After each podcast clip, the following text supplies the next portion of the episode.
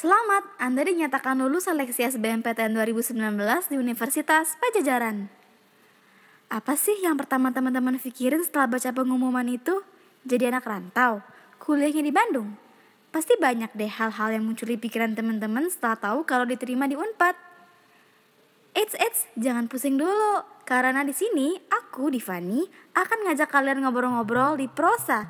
Pajajaran ngobrolin romansa.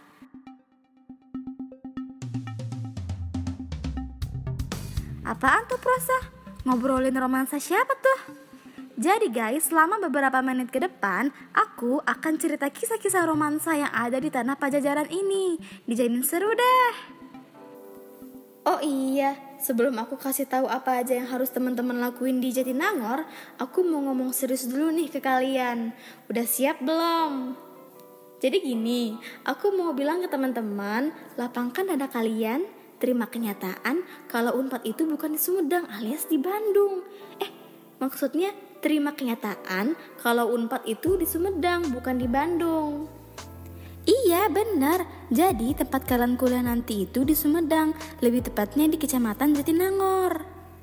Terus yang di Dipati Unggul itu apa, Div?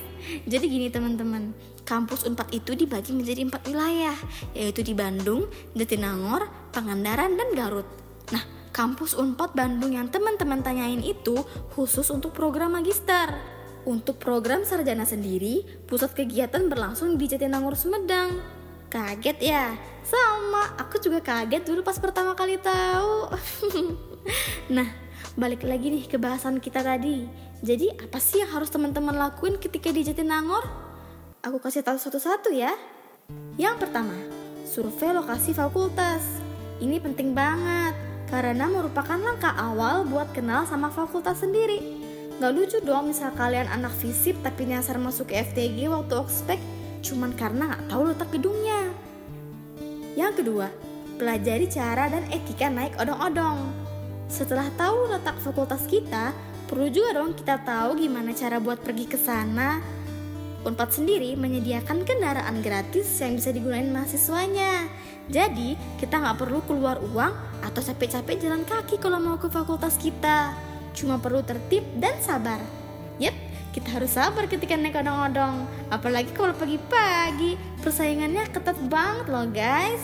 Oh iya, odong-odong ini sendiri dibagi menjadi dua jurusan, IPA dan IPS.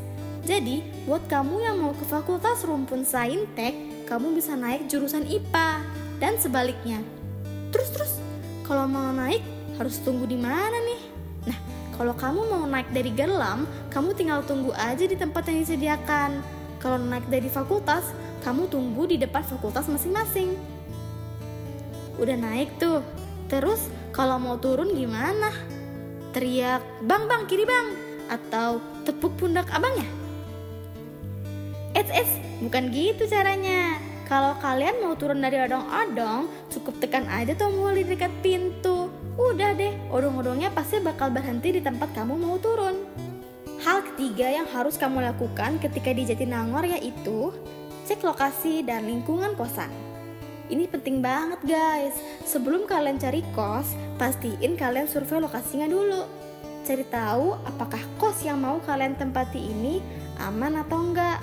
Banyak tempat makan di dekatnya atau enggak uh, ke kampus bisa jalan kaki atau bisa pakai kendaraan. Pokoknya masih banyak lagi deh hal yang perlu kalian cari tahu. Jangan sampai ketika udah tinggal di kos itu kalian baru sadar kalau kebutuhan kalian susah untuk dipenuhi.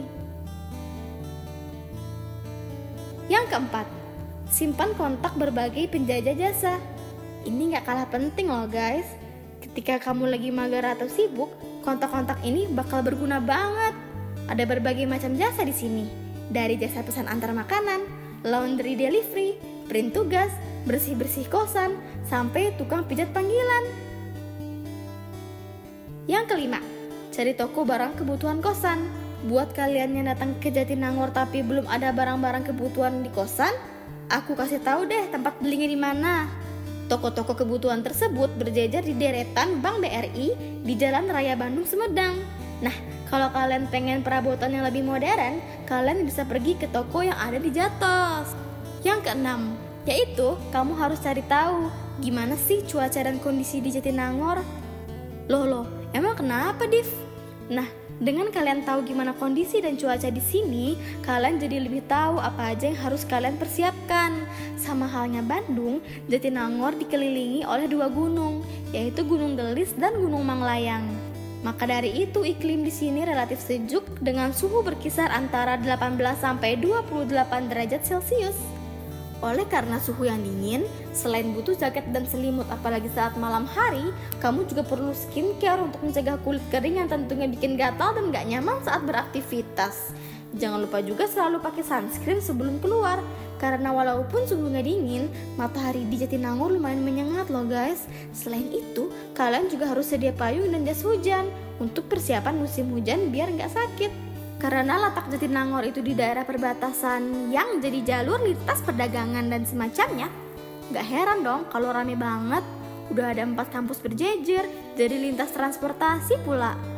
Makanya hati-hati ya, apalagi kalau mau nyebrang karena di sini banyak truk.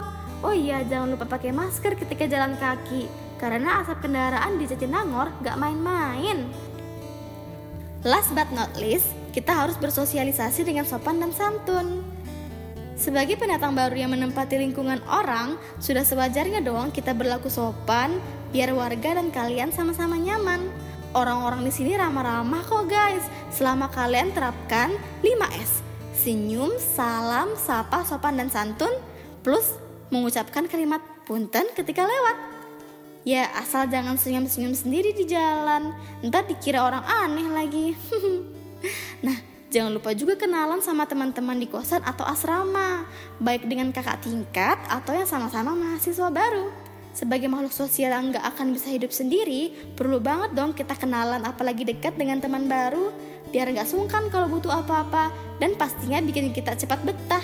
Boleh juga tuh ketuk setiap pintu di kosan dan bawain makanan untuk mereka, kalau punya duit banyak. nah, itu dia hal-hal yang perlu kalian lakukan di Jatinangor.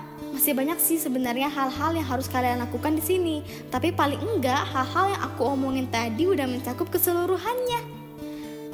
Awalnya mungkin susah sih untuk beradaptasi di sini, nggak betah, kangen keluarga, kangen teman, kangen masakan rumah, Pokoknya pasti masih banyak lagi deh keluhan-keluhan kita yang lain.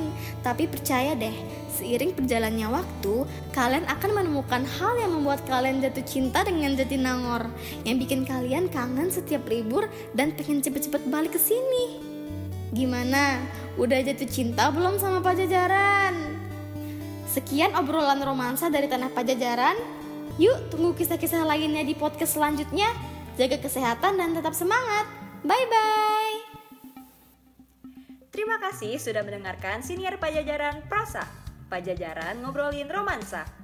Agar kamu bisa terus mengikuti informasi terkini terkait Prabu, jangan lupa ikuti semua media sosial Prabu dengan nama pengguna @prabunpat di Instagram, Twitter, Facebook, ASFM, YouTube, Line, serta situs kami di www.prabu.unpad.ac.id.